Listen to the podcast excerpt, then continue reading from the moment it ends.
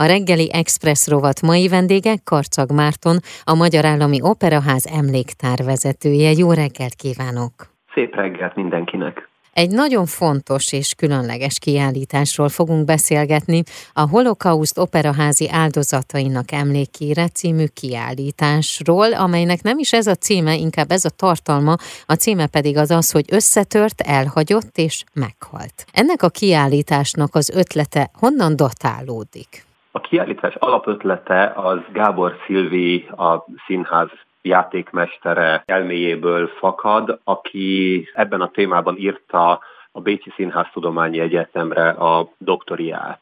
Ő végzett egy alapkutatást, és ezt adta át nekünk, hogy ha van kedvünk, energiánk, akkor csináljunk egy kiállítást. Azt gondolom, hogy ez egy nagyon-nagyon fontos téma, és egy nagyon kibeszéletlen téma. Úgyhogy mindenképpen úgy éreztem, hogy ez érdekes és érdemes most megcsinálni. Honnan voltak adatok? Honnan voltak információk? Mennyi kutatást igényelt még Gábor Szilvi munkáján túl? Több hónapot, ugyanis nyilván egy nagyon-nagyon feldolgozatlan időszakról van szó. Szilvi igen bölcsen azt találta ki, hogy a téma parttalanságát, hiszen ugye a kiállítás az Operaház holokauszt áldozataival foglalkozik, de mit jelent ez? Muszáj valahol szűkíteni a dolgot, és ő ezt úgy határozta meg, hogy azokat a kollégákat kutatta végig, illetve azokra a kollégákra, néhai kollégáinkra szűkítette le a kutatást, akiket 1939 és 1944 között, tehát zsidó törvények miatt bocsátottak el a színházból. Hogyha nem így tesszük, ugye, akkor nagyon nehéz meghatározni, hogy kicsodát, hiszen nyilvánvalóan áldozatnak tekinthetjük azt a balerinát is, akit az 1910-es években lenyugdíjaztak, és nyugdíjasként 50 50-60-70 éves korába történt vele valami. Vagy ugyanúgy áldozatnak tekinthetjük azt a művészt, aki a törvények értelmében már színpadra nem kerülhetett a 30-as, 40-es évekbe, viszont a karrierje az 50-es, 60-as évekbe bontakozott ki. Az áldozat szót is úgy értelmeztük, tulajdonképpen mindenki áldozatnak tekinthető, nem csak az, aki meghalt, hanem így vagy úgy, hanem aki a munkáját elvesztette, tehát aki egyszerűen a származása miatt került hátrányos helyzetbe. Hány kollégá Mikáról van itt szó?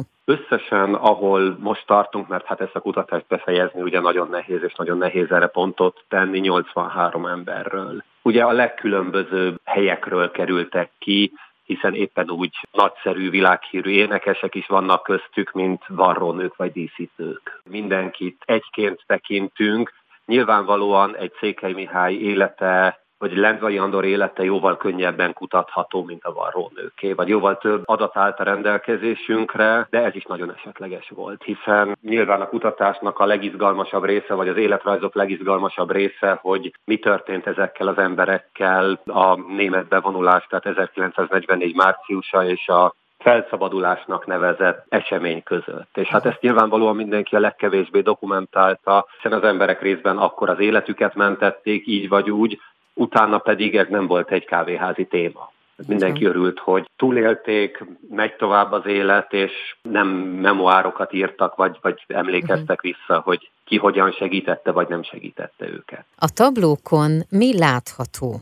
A tablókon egyfajta keretes szerkezet van, a kiállítás elején bevezetjük, megteremtjük a történelmi, illetve operaház történeti hátteret, hogy mégis honnan fakadt ez, milyen törvények alapján volt kénytelen Márkus László direktor elbocsátani a számára kedves és fontos tagokat, mit csinálhattak ezek az emberek eközben, tehát szó van természetesen az Omikéről, ami egy mencsvár volt, ahol még fölléphettek a származásuk ellenére. A kiállítás központi eleme ennek a 83 embernek az életrajza, uh-huh. ameddig eljutottunk, és amennyit tudtunk, csoportosítva őket a különböző ma is használatos operai művészeti tárak szerint. Énekesek, karmesterek, zenekar, énekkar, műszak, balettkar. Ez a központi elem, illetve hát a kiállítás végén szó van az áldozatokról, a, a mindenféle áldozatokról, akik az operaházhoz köthetők, illetve arról, hogy hogyan tette túl magát az opera, és hogyan folytatódott az élet 1945 után. Természetesen szó van a pincéről, ugyanis ennek a mhm. kiállításnak az a különlegessége, Igen. hogy azt találtam ki, hogy mégse a Vörös Szalomba, vagy valami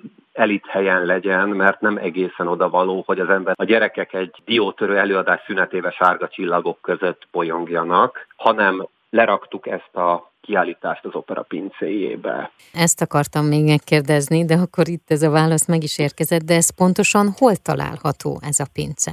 Ez a pince az Operaház mínusz egy egyik szintjén, és tulajdonképpen a zenekari melvéd vonalában. Ugye az Operaház nem csak fölül, meg hátul, színpad mögött egy labirintus, hanem lent is. A pincébe is ugye 1880-as években egy színházban csomó olyan dolog volt, ami ma már nem. Az operának volt saját kutya, hatalmas szenes pincék voltak, ezek ma átalakultak, de, és más funkciót kaptak, de 1944-ben még ebbe a kvázi óvóhelyrendszerbe remekül tudott nagyon-nagyon sok ember megbújni hiszen mégiscsak egy olyan épületről van szó, aminek a falai biztonságot nyújtottak, egy kiválóan megépült épület. Van már valamilyen gondolat, hogy valamilyen eseményt szervezni a kiállításhoz? Fogunk, beszéltünk az izraelita hitközség különböző kulturális programadóival felveszük a kapcsolatot, szeretnénk bekapcsolni ezt ebbe a vérkeringésbe is. Számos turista érkezik a Dohány utcai templom vagy a Rumbak utcai felújított templom látogatására,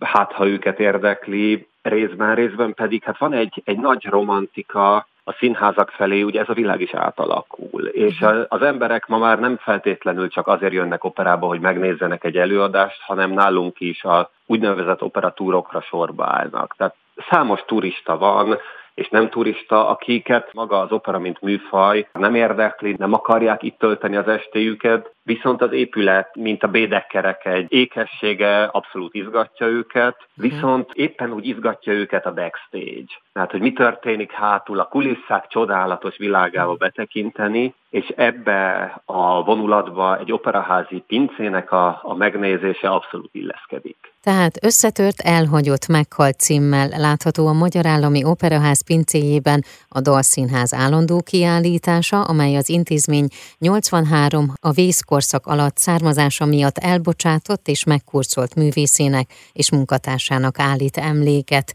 Pontos információt, illetve a jelentkezést pedig az opera.hu weboldalon megtalálják. Nagyon szépen köszönöm. Köszönöm szépen a beszélgetést. A reggeli Express rovat mai vendégem Karcag Márton, a Magyar Állami Operaház emléktár vezetője volt.